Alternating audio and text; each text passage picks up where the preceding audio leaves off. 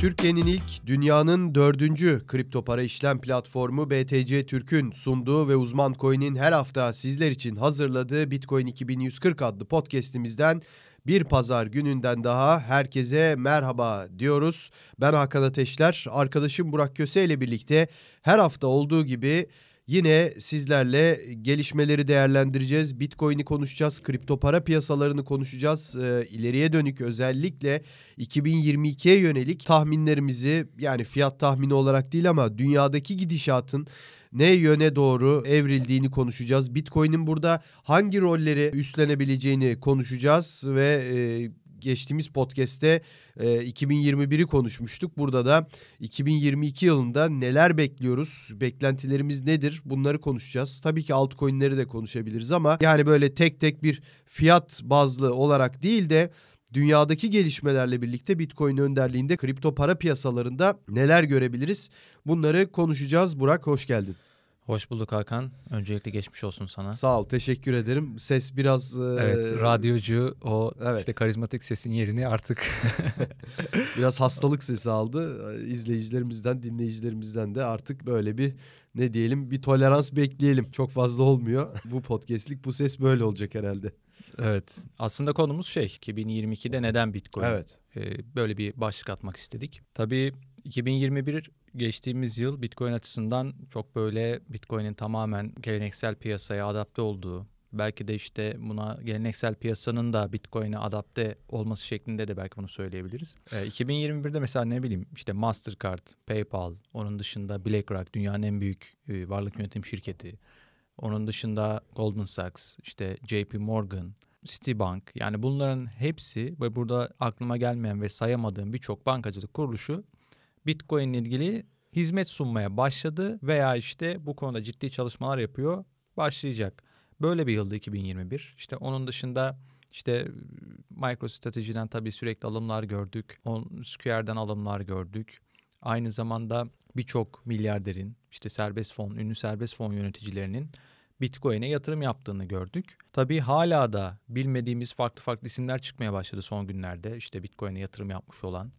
En son onun da bir haberini yapmıştık biz. Şu an ismini hatırlayamadım ama yani yine e, önemli bir fon yöneticisinin. Citrone'ydi zannediyorum. Evet, evet tamam şimdi hatırladım. Robert evet, galiba ismi. Evet, Aynen. doğru. Yani doğru. onun da işte Bitcoin'e yatırım yaptığını, alıp sattığını öğrendik.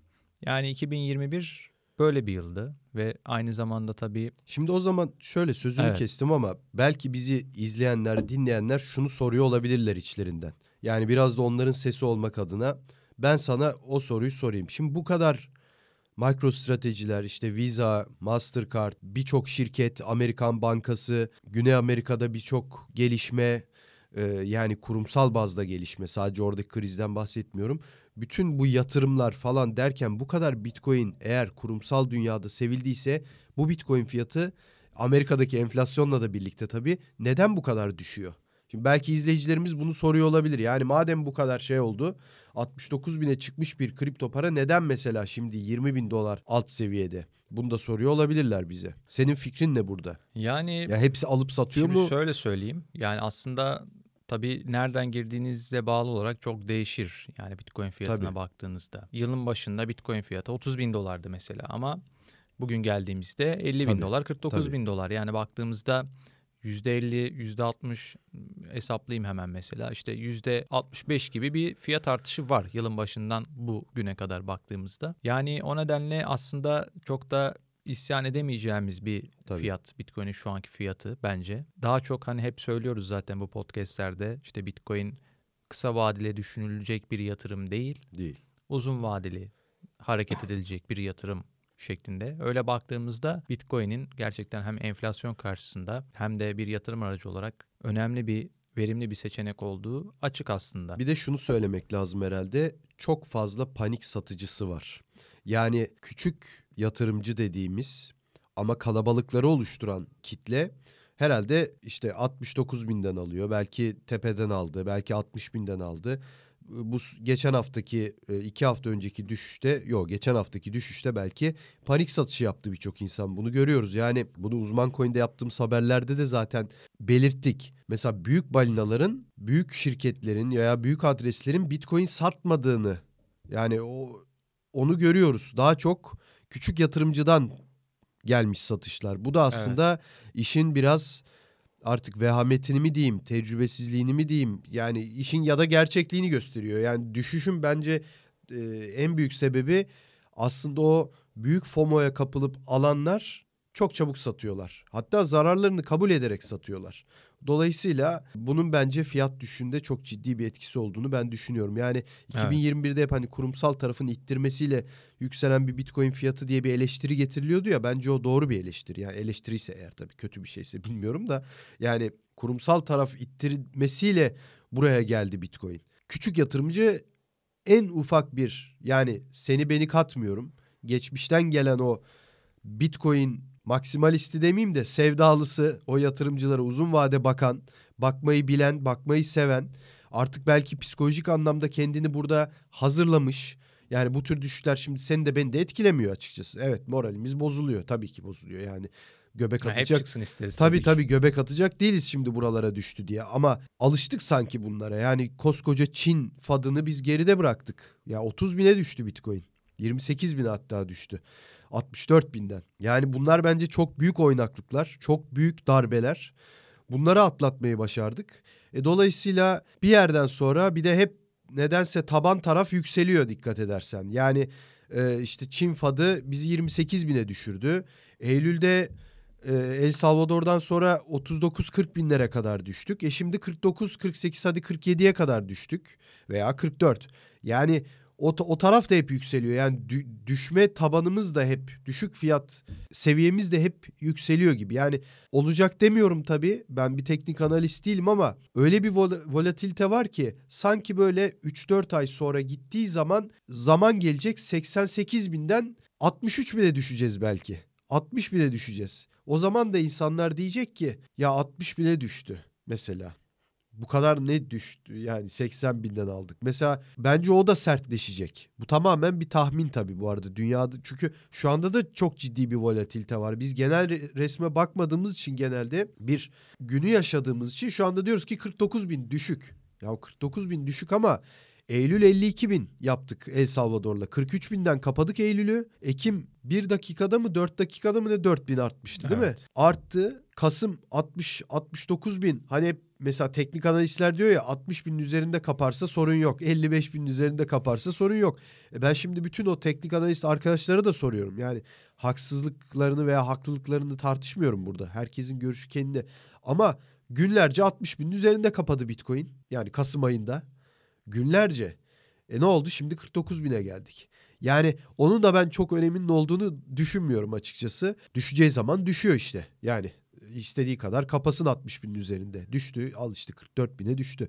Yani burada geniş açıdan bakmak senin dediğin gibi zor gelse de aslında bence en kolayı. Kafanız rahat oluyor. içiniz rahat oluyor ve açıkçası biraz da artık etkilenmemeye sürekli işlem yapmamaya başlıyorsunuz. Bu açıdan bence e, volatilite ileriki dönemde çok daha sertleşecek. En son ne zaman Bitcoin alıp sattın? Hatırlıyor musun? Ya Bitcoin'i ben yani açıkçası şey, sattığımı hatırlamıyorum. Evet yani. Sattığımı hatırlamıyorum. Her ay düzenli şekilde almaya çalışıyorum. Belirli bir meblağ ile çok değil yani şey gibi olacak bu ya. Ben hep 50 liralık alıyorum ama gerçekten öyle yani neredeyse 50 liralık değil tabii de yani yani 50-60 dolarlık e, sürekli ama yani sürekli bir o parayı oraya koyuyorum. Bazen o para artıyor cebimde para varsa. Bazen standart gidiyorum ama sürekli o parayı tutturmaya çalışıyorum. Yani fazla aldığım da oluyor tabii canım. iki katını da aldım, üç katını da aldığım oldu ama sürekli almaya çalışıyorum. Bitcoin'i de kolay kolay satacağımı da düşünmüyorum açıkçası. Onu yani, söyleyeyim. Açıkçası ben de aynı. Ya yarın sabah şimdi evet. yarın sabah 150 binle uyanırsak satarım. Çünkü yarın sabah 150 binle uyanırsak onun akşamına olmadan o zaten 70 bine düşer. Yani öyle ya bir... Satarsın belki ama ihtiyacını karşılarsın sonuç olarak. Tabii tabii yani o ayrı, satıp o ayrı, dolar alayım doları bankada yok, tutayım yok. gibi bir düşüncen kesinlikle yok, yoktur yok, bence. Kesinlikle yok kesinlikle evet. yok. Yani çünkü Amerika'da da enflasyon işte en son açıklanan %6.8 gibi bir rakam. Tabii. Bu 1982'den bu yana görülen en büyük enflasyon.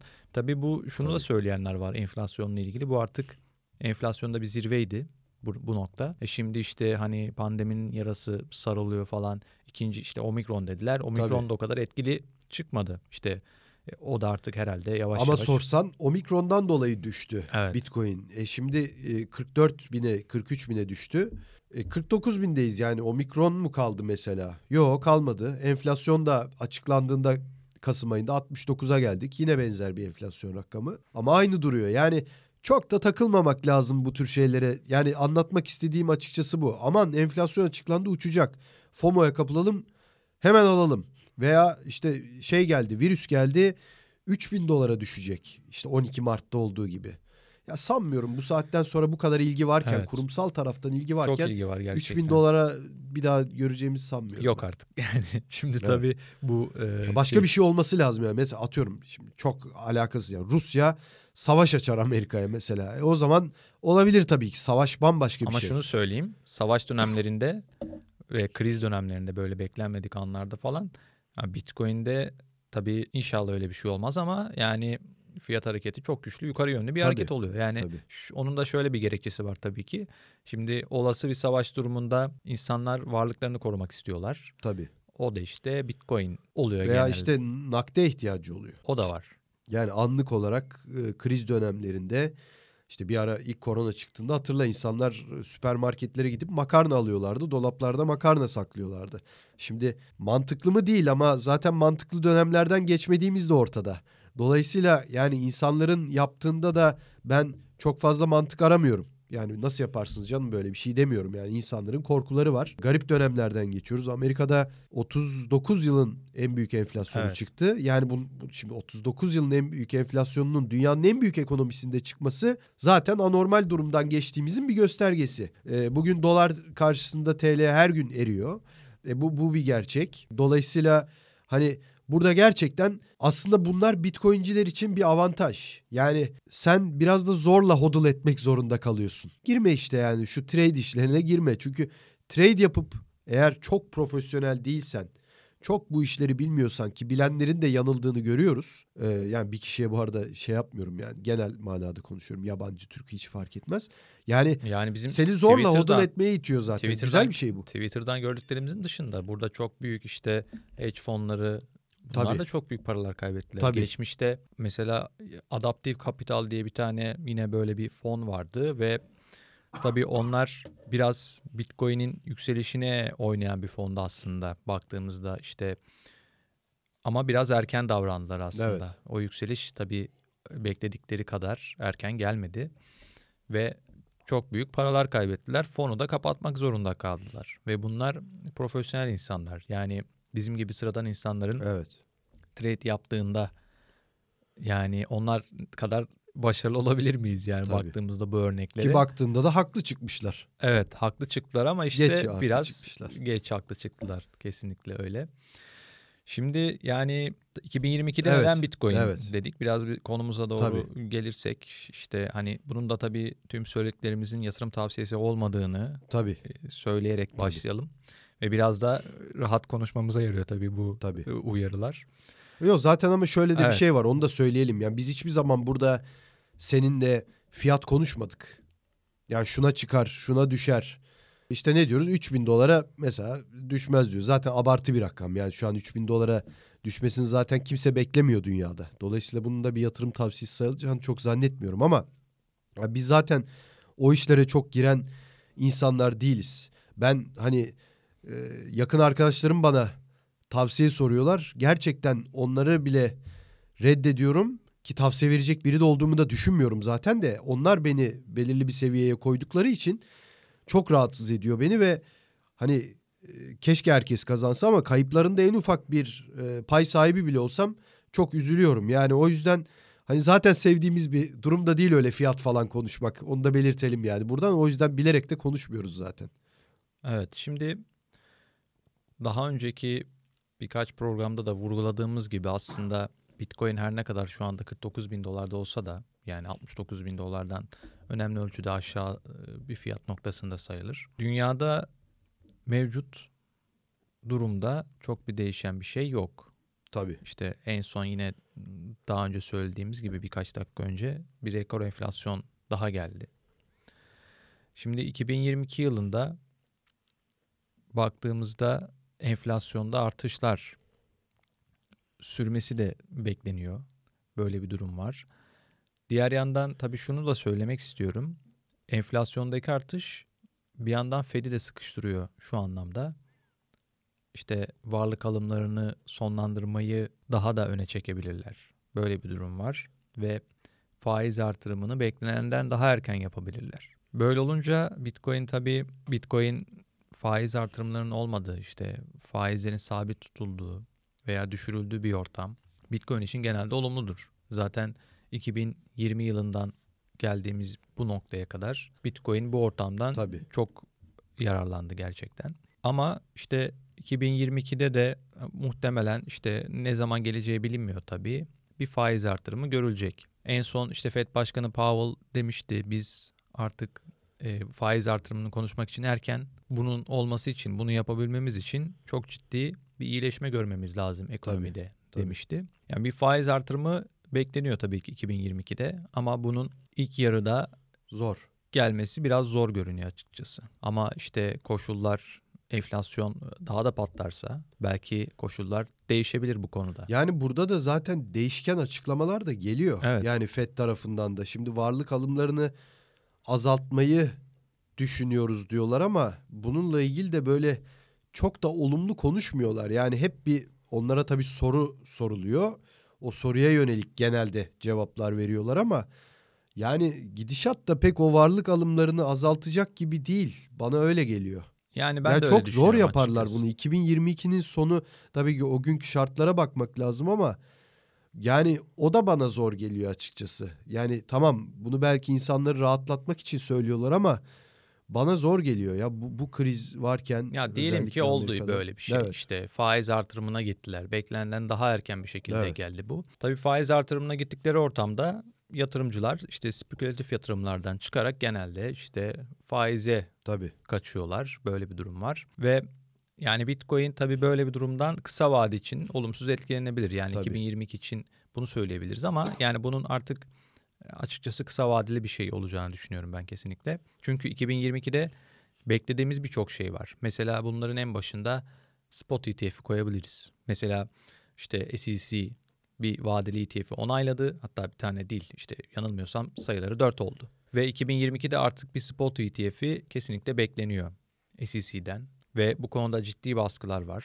Ve yani bir ihtimal verirsek genelde ETF analistlerinin de söylediği 2022'de bir Bitcoin ETF'inin görülme olasılığının yani %90 civarında olduğu yönünde açıkçası. ETF onayı kesinlikle yani bir spot Bitcoin ETF'i onaylandığı takdirde Bitcoin fiyatında önemli bir etki yaratması beklenir. Geçmişte bununla ilgili altın ETF'i karşılaştırmaları var ki bence doğru karşılaştırma bunlar. Altın fiyatının birkaç yıl içerisinde 5 katına kadar çıktığı, ETF'in bunda önemli bir etkisi var kesinlikle. Bitcoin için önemli olacak. Birincisi bu. İkincisi 2021'i tamamlarken aslında bankalardan çok çok atılımlar gördük biz Bitcoin ile ilgili. Mesela en son işte Goldman Sachs Bitcoin teminatlı kredileri evet. kullanıma sunmak için çalışıyor.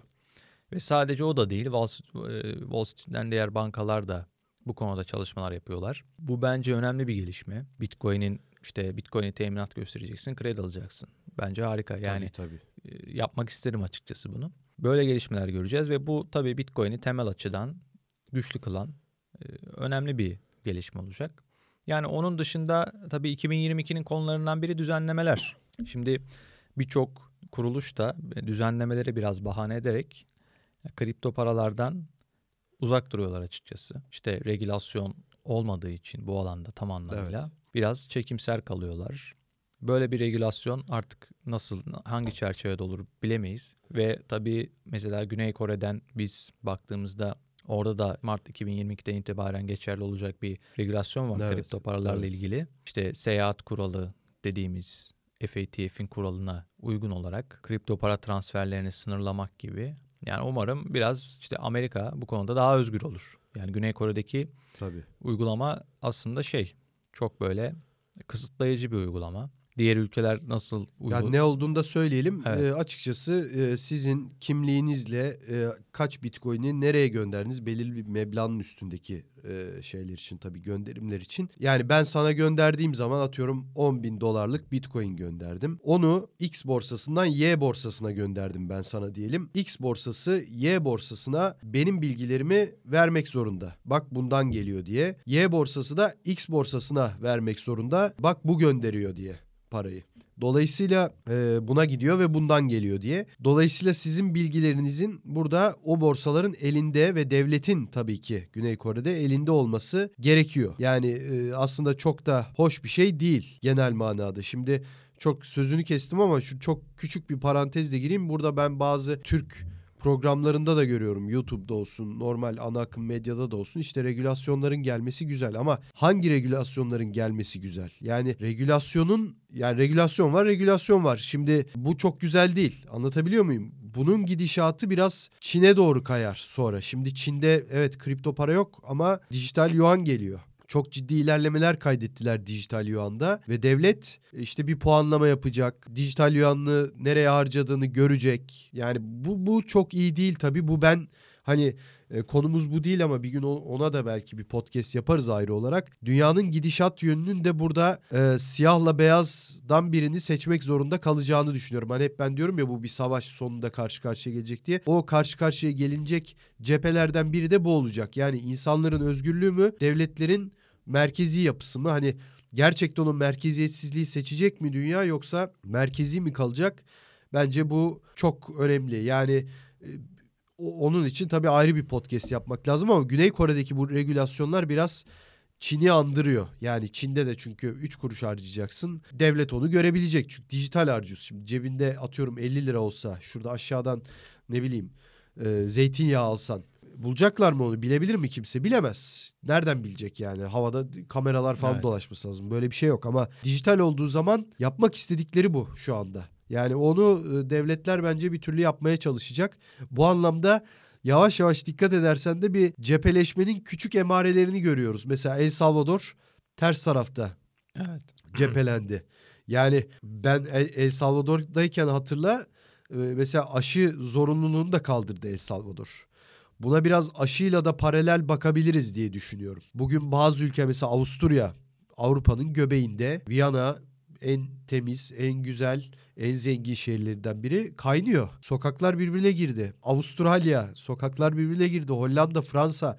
Yani e, bu anlamda bir cepheleşme olacak gibi gözüküyor. Ülkeler arasında da oluyor. Seçimi bakalım dediğin gibi Amerika ne taraftan yapacak? Diğer taraf uzak doğu tarafı ne yapacak? Türkiye buranın neresinde? Yani bu biraz hani şey 60'larda e, hani Sovyetler Amerika tarzı ne tarafı seçiyorsun? Değil mi? Yani batıyı mı? Biz hep batı tarafında olmuşuz genelde. Amerika tarafında olmuşuz. Yani o, o açıdan bence Güney Kore'nin bu regülasyon hamlesi bize gelecek adına ya gelecek dediğim de bence 10-15 yıl maksimum. Ya mutlaka bunları konuşacağız, tartışacağımız günler gelecek. Emareleri veriyor, sinyalleri bize veriyor Güney evet. Kore. Ama şu var tabii regülasyonlar bireyler açısından tabii nasıl geleceğine de bağlı ama Güney Kore gibi bir regülatif çerçeve iyi değil açıkçası. Tabii ki tabii ki hiç değil. Ha, diğer yandan kurumların bu piyasaya girmesi açısından aslında onların istediği de bir şey. Böyle bir regülasyon. Evet, evet. Ama işte böyle bir regülasyon her açıdan yani bu piyasada devletin bir şekilde Bitcoin'i tanıması, işte kripto paraları tanıması ki yapan devletler var şimdiye kadar. Kripto paraların alım satımını bir yasalara bağlaması gibi durumlar. Evet.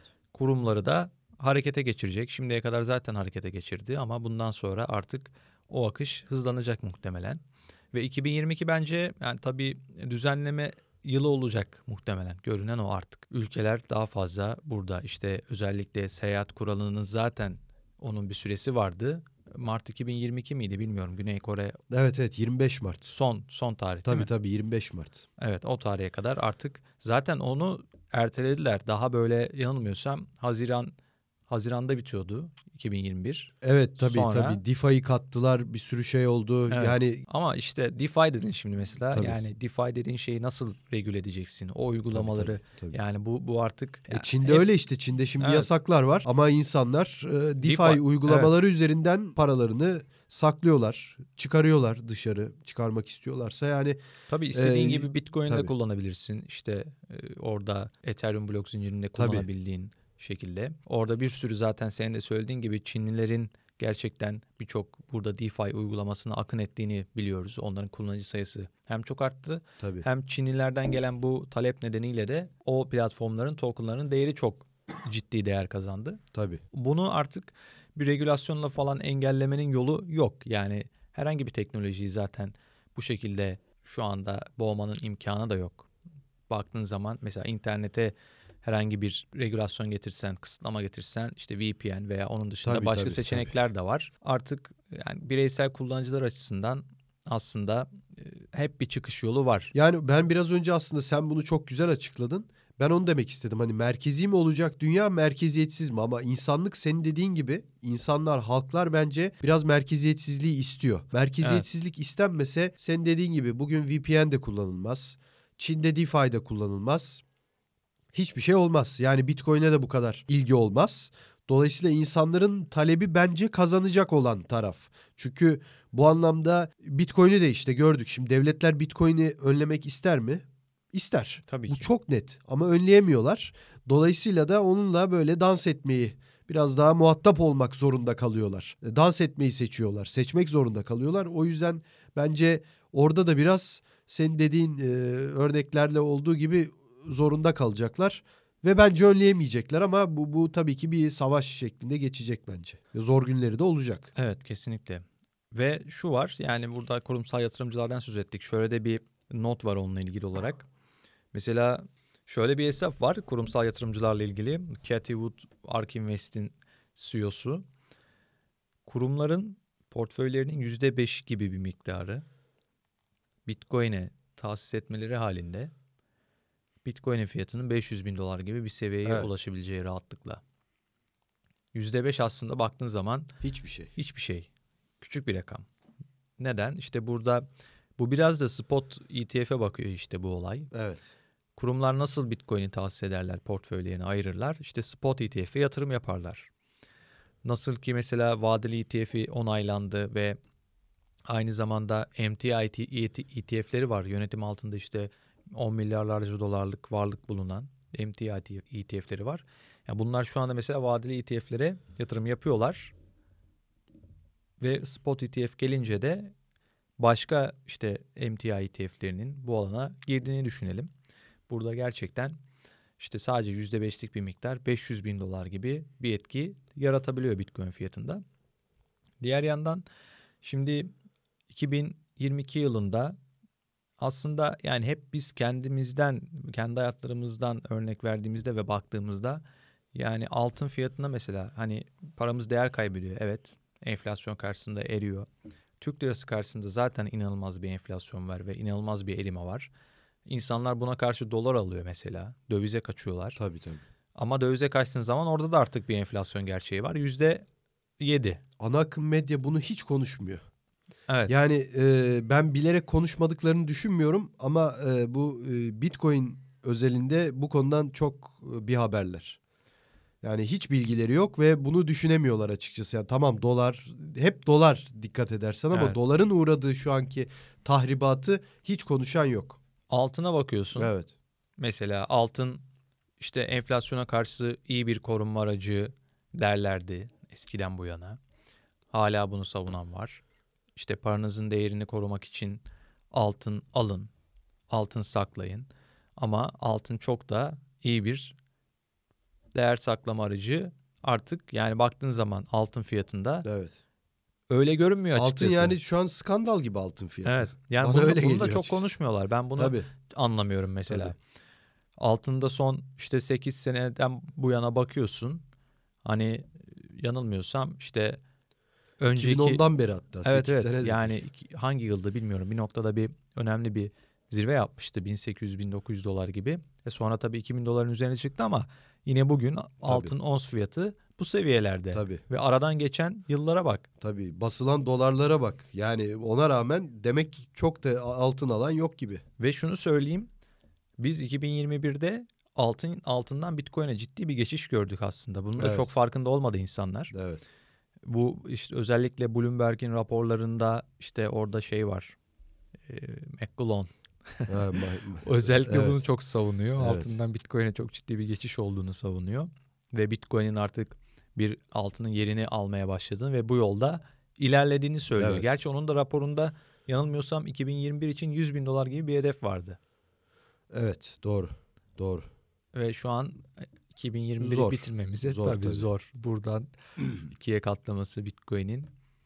Zor diyeceğim ama şu anda direkt aklıma gelen Belli de olmaz tabii. 2017'deki mesela Aralık ayının başında Aralık ayının ortasına kadar Bitcoin'in ikiye katlaması var. 10 bin dolardan 20 bin dolara. Tabii hiç kesinlikle belli olmaz. Bitcoin'in böyle huyları var yani ya bir sürekli de yaptığı. çok çok takılıyoruz o fiyatlara. Yani e tabii.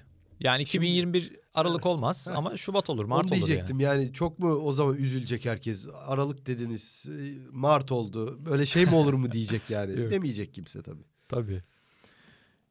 Şeyi diyeceğim yani ben mesela paramın değerini korumak istediğimde yani servetimi işte servetinde yani servet deyince böyle insan şey oluyor sanki evet. trilyonları var. İngilizce'de wealth olunca evet. onu Türkçe'ye bazen çevirince öyle ağzımızdan çıkabiliyor. Evet. evet varlık yani, diyelim. Varlık diyelim aynen. Varlıklarımın değerini korumak için yani şu anda Bitcoin'den daha iyi bir, iyi bir alternatif ben Yok, göremiyorum ben açıkçası. De. Altına baktığımda da durum ortada. Dolar, lira zaten onların durumu ortada. O nedenle benim için 2022'nin yani neden Bitcoin'in cevabı bu açıkçası e, ben senin dediklerine katılıyorum ama biraz daha bir ekleme yapayım. Şöyle ben çok şartlar değişmediği sürece bundan sonraki 10-15 yılda da bunun Bitcoin olduğunu düşünüyorum. Yani e, sen hani 2022 için dedin diye söylüyorum. Tabii sen yani konumuz 2022 olduğu için öyle diyorsun ama ben ondan sonraki yıllar içinde bunu düşünüyorum. Çünkü unutuyoruz bazen gerçekleri konuşmayı. E, o kadar detaylarda işte altcoin'lere bakıyoruz, oraya bakıyoruz, gelişmelere bakıyoruz, FED'ler, tapering'ler her şey ama 21 milyon ve çok basit yani 21 milyon ve e, arzı sınırlı. Yani bu e, bu anlamda gerçekten e, çok önemli diye düşünüyorum.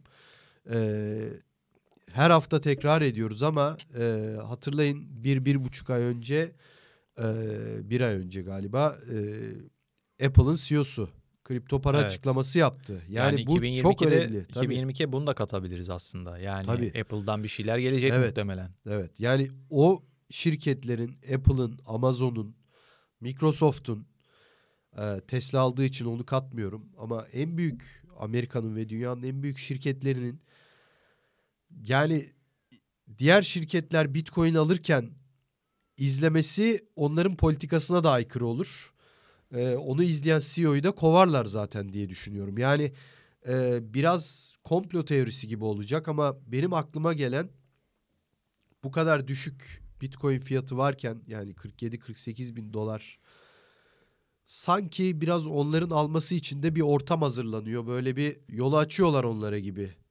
Geliyor Olabilir. bana yani onlar hani 80-90 bin dolardan almazlar.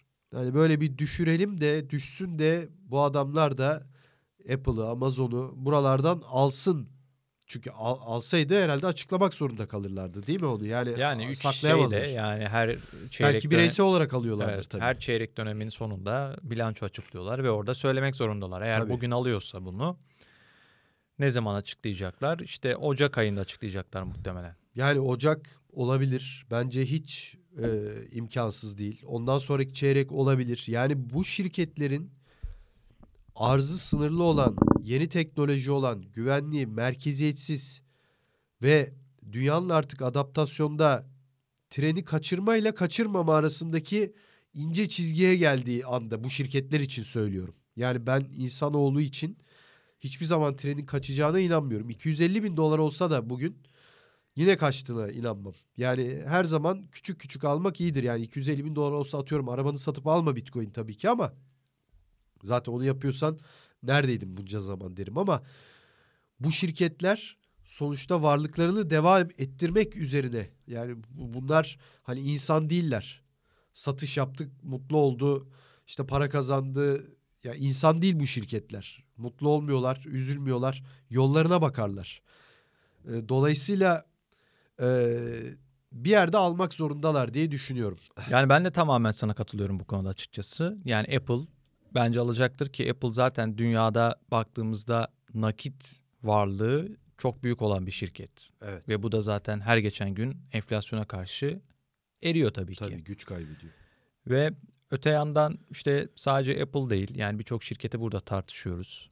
Zaten ben bankalardan söz ettim. Özellikle bu bankaların işte Bitcoin teminatlı kredi hizmetleri bu da e, şirketlerin de çok işine gelecek bir şey. MicroStrategy'nin mesela varlığı ne kadar? Bitcoin varlığı. En son yine bir alım yaptılar. 120 tabii geçti, ne oldu 120. tam olarak? Yani 120'yi tabii geçti de tam rakam hatırlamıyorum. 1434 tane aldığını hatırlıyorum da evet. rakamın ben kaç olduğunu Ben sana şeyi de söyleyeyim. 1434 yani. aldılar. Ondan önce 7002 aldılar. 7002 aldılar. Yani bunları hatırlıyoruz ama evet. toplam rakamı hatırlamıyorum. Evet. Yani evet. 129 bin falan olabilir. Şu an çok emin değilim ondan açıkçası. Bu şirketin bu varlıklarıyla mesela bunları teminat göstererek kredi aldığını düşünelim. Tabii tabii. Yani inanılmaz bir olanak. Onun dışında mesela MicroStrategy'nin bu arada onu da parantez açıp belirteyim. Bitcoin'lerin ortalaması 30 bin dolara çıktı. Son böyle alımı 57 bin dolardan tabii, yapmışlar. Tabii. Bugün fiyat 49 bin dolar ama zaten onların hiç fiyata bakmayan bir CEO'su var tabii. diyebiliriz açıkçası. Çok önemli değil yani onlar için. Ve Bitcoin fiyatı için e, bu nedenle hani MicroStrategy'nin ortalaması 30 bin dolar olduğu için 30 bin dolar önemli bir destek noktası aynı zamanda. Yani or, oradan sonra Bitcoin'in onun altına düşmesi durumunda e, MicroStrategy zarar yazmaya başlayacak. Tabii, tabii. Ve sadece o değil. İşte Tesla'nın maliyeti da daha yüksek. Evet. İşte onunki tam hatırlamıyorum kaç ama 40 bin dolara yakın Öyle bir şey seviyelerde şey, evet. bir maliyeti evet. var Bitcoin için. E, Square da farklı değil. Yani bu şirketlerde işte 8 bin Square da var. Tesla'nın ne kadar da bilmiyorum ama onlar da 1,5 milyar dolarlık yıl başında bir alım yapmışlardı. Sonra az bir miktar sattılar gerisi duruyor. O nedenle hani 40 bin doların altı hani bakıyoruz Bitcoin fiyatında ne olabilir ne bitebilir nerelere kadar düşebilir. Yani 30 bin doların altı çok yok gibi görünüyor açıkçası. Öyle gözüküyor doğru. Ee, yani şirketlerin ve MicroStrategy gibi Bitcoin konusunda güçlü bir vizyon ortaya koyup ve Bitcoin'i artık 100 yıl tutacağım ben diyen bir CEO'su en az 100 yıl boyunca. Böyle bir şirket var ortada. Yani Bitcoin'in 30 bin doların altına düşmesi artık o noktada yani fiyatı çok böyle kısa vadeli olarak bakanlar için çok da kolay mümkün değil. değil. Evet. Çünkü zaten baktığımızda Bitcoin hani 60 bin dolardan 60 bin dolardan değil ama hani bir noktada 28 bin dolara düştü mesela.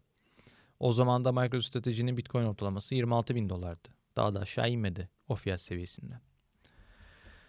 Yani 2022'de kurumsal yatırımcı daha da Bitcoin'e özellikle bankaların son hamlesiyle gelmeye başlayacaklar. Daha fazla kurumsal yatırımcı göreceğiz. Daha fazla milyarder göreceğiz bence.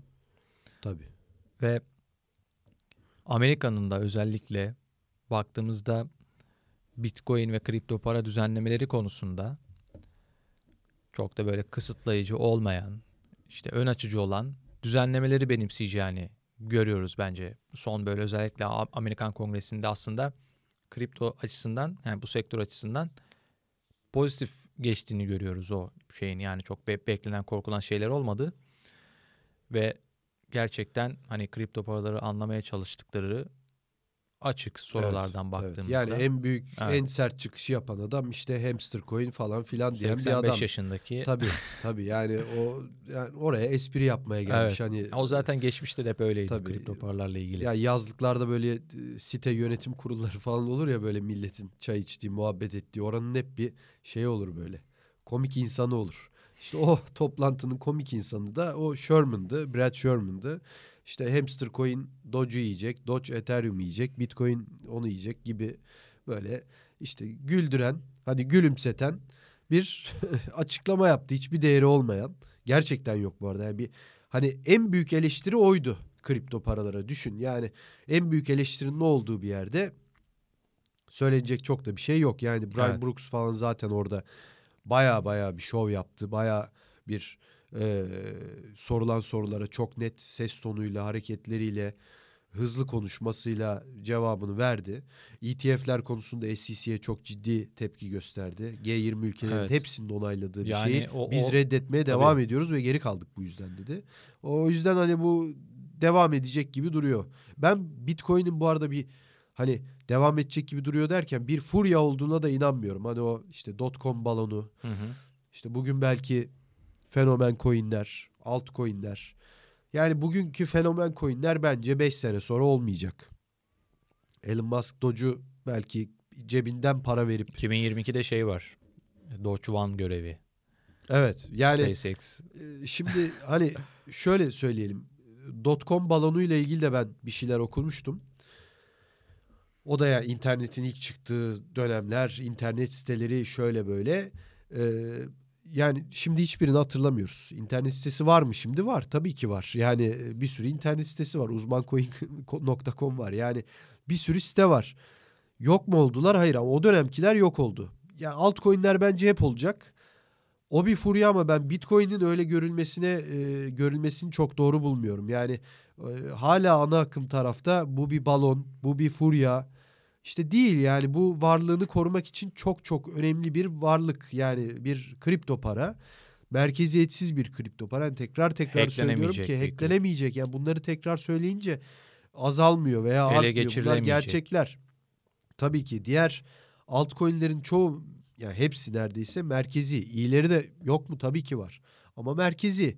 Yani bir yerden yönetiliyorlar. Dolayısıyla e, bu anlamda Bitcoin'in mutlaka benim böyle yatırım tavsiyesi değil ama yani küçük küçük kenarda bir tutun bir görün yani e, zarar gelmez yani cebinizde harcadığınız 3 kuruş paranın artık nereye gittiğine ba- bakmıyoruz bile küçük harcamalarımızı. Bugün ne bileyim bir yerden bir tişört alıyoruz. Kaliteli bir tişört olsa fiyatı biraz pahalı oluyor ama alıyoruz ve onu düşünmüyoruz yani ya bu tişörte de bu parayı verdik demiyoruz yani hiçbir zaman. Yemek yiyoruz. Artık yemek restoranlarda fiyatların Türkiye'de zaten şeyi kalmadı. İnanılmaz zamlandı. Yani şunu demek istiyorum. Harcamadı yani dikkat etmediğimiz, önem vermediğimiz paraları küçük küçük Bitcoin'e yatırmamızın ben hiçbir yara, e, zararı olmadığını düşünüyorum. Dolayısıyla hani altcoin almak mı istiyorsunuz yatırım? Tabii ki yapın canım ya onu yapmayın sakın altcoin almayın demem ama şu andaki altcoin tehlikesi yani Bitcoin'e oranla çok daha fazla. Bitcoin'de ben böyle bir tehlike görmüyorum. Tabii ki yatırım yapın ama Bitcoin'i de unutmayın. Yani ya bu ne olacak 100 bine gitse bile iki katı para mı kazanacağız? Onu para kazanmak olarak görmemek lazım diye düşünüyorum. Evet. Ve şu da var. Amerika'da Amerika'da dedim ama zaten hash rate dediğimiz hash rate de Tabii. rekor kırdı Bitcoin'de dün itibariyle. Yeni bir rekor kırdı. Fiyat her ne kadar işte 49 bin dolarda olsa da evet. Bitcoin madenciliğine olan talep devam ediyor ve devam edecek. Hash rate rekor kırmaya da devam edecek muhtemelen. Tabii. Çünkü çok ciddi siparişler verildi geçtiğimiz yıl boyunca. Yani onu böyle toplasak böyle alt alta işte 30 bin, 20 bin, 15 bin herhalde bir 200 bin madencilik cihazı siparişi verilmiştir 2021 yılı tabii, boyunca tabii. ve bunların da teslimatı 2022'de yapılacak mesela. Ve madenciliğe burada ciddi yatırımlar yapılmaya. 2022 Ağustos evet. Eylül yani öyle Ocak da tabii, değil. Tabii Arada, yani, yani Şubat da değil. Evet. Madenciliğe yapılan yatırımlar olsun işte madencilik şirketleri halka açılıyorlar. Tabii. Coinbase zaten o ayrı kripto para borsası. Yine başka birkaç tane daha madencilik şirketi halka açıldı zaten birçoğu ve devamı da geliyor bunların. Yani o açıdan artık Bitcoin tamamen bu özetle kurumsal dünyaya, kurumsal dünya Bitcoin'e tabii adapte oluyor ve 2022'de bu trend devam edecek. Özellikle regülasyonların gelmesiyle beraber burada daha da ciddi adımlar göreceğiz. Spot ETF Bitcoin'de bence onaylanacak 2022 yılında. bankalar Bitcoin ilgili daha fazla ürünler ortaya koyacaklar. Bireysel müşteriler için de ortaya koyacaklar. Bankalardan gidip Bitcoin almaya başlayabileceğiz bence. Tabii. Bence de. Bankalar bizim için Bitcoin saklayabilecekler. Artık insanlar Onlar da hayatlarına devam etmek için yani Apple için Tabii. söylediğimiz şeyi onlar için de söyleyebiliriz. Bankaların artık bir işlevi de kalmadı ki hayatımızda. Kredi kartı denilen Yani. şey çok kullanışlı, kabul. Evet. Ama kredi kartı denilen e, işte o kart dışında bankanın size verdiği E, ne kredi- hizmet var? tabii. Ne hizmet var? Yani e, para çekmeye kalkıyorsun. Benim başıma bilmiyorum tesadüf mü. Son zamanlarda yani bankamatikten ben öyle çok da para taşıyan biri değilim yanımda ama yani nakde ihtiyacın olduğu zaman çekiyorum işte şey diyor bankamatik işte veremiyoruz şu anda hizmet falan. Lütfen şuradaki şu bankamatiğe gidin. Bilmiyorum başkalarının oluyor mu ama bu Bana aralar da oluyor. bana çok Evet. olmaya başladı. E şimdi zaten bankamatik olayı cebinde nakit taşıyan çok az var artık. Bankamatik olayı neredeyse bitti. E, baktığın zaman e, kredi kartın o e, işte şey e, temassız ödeme bunlar güzel şeyler ama bunları artık kripto paralarla da yapabiliyorsun. Ya bankaların da bu düzene ayak uydurması lazım. Bu sisteme ayak uydurması lazım. Onlar da bence bu sisteme girmedikleri sürece atıl kalacaklar ve yok olacaklar. Bankaların da yok olması e, çok mantıklı gelmiyor kısa süre içinde. O yüzden Evet. yok olmamak için ya onlar niye yok olmak istesinler zaten? Yani bu bu işe e, entegre Ayak olacaklar diye uydurmaları lazım tabii, bir tabii, şekilde, kesin, tabii. Kesin. O Bitcoin teminatlı kredilerin işte dediğim az önce saydığım saklama hizmetleri, alım satım hizmetleri tamamen işte bankaların bu trende ayak uydurup ayakta Evet. kalmaları için. Tabii. Bunları artık daha fazla göreceğiz 2022 yılı itibariyle. 2022 yine bir enflasyon yılı olacak. Yine bir kriz yılı olacak. Ve varlıklarımızı korumak için daha iyi bir alternatif bulamayacağız. Ya aslında Tamamen- daha çok fazla şey anlatıp anlatabiliriz burada ama zamanımız yeterli Evet değil. bayağı Yani da uzattık Tabii galiba. zaten e, şöyle de bir şey var. Yani biz Bitcoin neden Bitcoin sorusunun cevabını verdiğimiz bir podcast'imiz de var. Yani geçmiş podcast'lere bakarsanız ilk podcast'lerimizden zannediyorum. Orada da o da çok güzel bir podcast'ti. Yani oradan da dinleyip insanlar açıkçası e, bizim podcast'lerde bayağı güzel anlatımlar var yani teknik konular olsun başka şeylerde dinleyip e, 80 bence bölüm oldu. Tabii tabii. Yani bu anlamda e, Bitcoin'in ne olduğuna dair ki geçtiğimiz podcast'te de söylemiştim. Yani YouTube'da başka e, kaynaklarda çok çok güzel anlatımlar var. İngilizce olsun, Türkçe olsun. Dolayısıyla yani Bitcoin ile ilgili şüpheleriniz varsa zaten bu e, küçük 40 dakikalık, 20 dakikalık, 1 saatlik belgeseller var. Podcast'ler var bizim yaptığımız gibi. Bunları insanlar izlerse zaten bizim ne demek istediğimizi çok daha iyi anlayacaklar diye düşünüyorum. Sadece küçük bir araştırma yapmak lazım. Bu devirde de çok zor değil yani oturacaksın elinde telefon YouTube'a aç- açacaksın video izleyeceksin. Yani bu çok zor değil diye düşünüyorum. Onu Bitcoin'i anlamak için ya küçük bir araştırma yapmanız yeterli. Evet yavaş yavaş sonlandıralım Evet, istersen. evet. Söyleyeceğim başka bir şey yo, yoksa. Yo zaten çok şey söyledik ama konuşacak çok şey var. Yani bazen aklıma geliyor gidiyor. Yani çok da geniş bir konu olduğu için e, bambaşka yerlere de kayabilirdi ama e, genel itibariyle benim e, burada sonuç olarak söyleyebileceğim Bitcoin'in devrinin ben e, başladığını düşünüyorum. 2022'den 2032'ye kadar bir 10 sene düşünürsek yani inişler çıkışlar olacaktır ama onun dışında ben Bitcoin devre olacağını düşünüyorum. Ee, insan oğlu da buna adapte olacak. Öyle ya da böyle seven de sevmeyen de adapte olmak zorunda kalacak diye düşünüyorum. Diyelim programımızı sonlandıralım.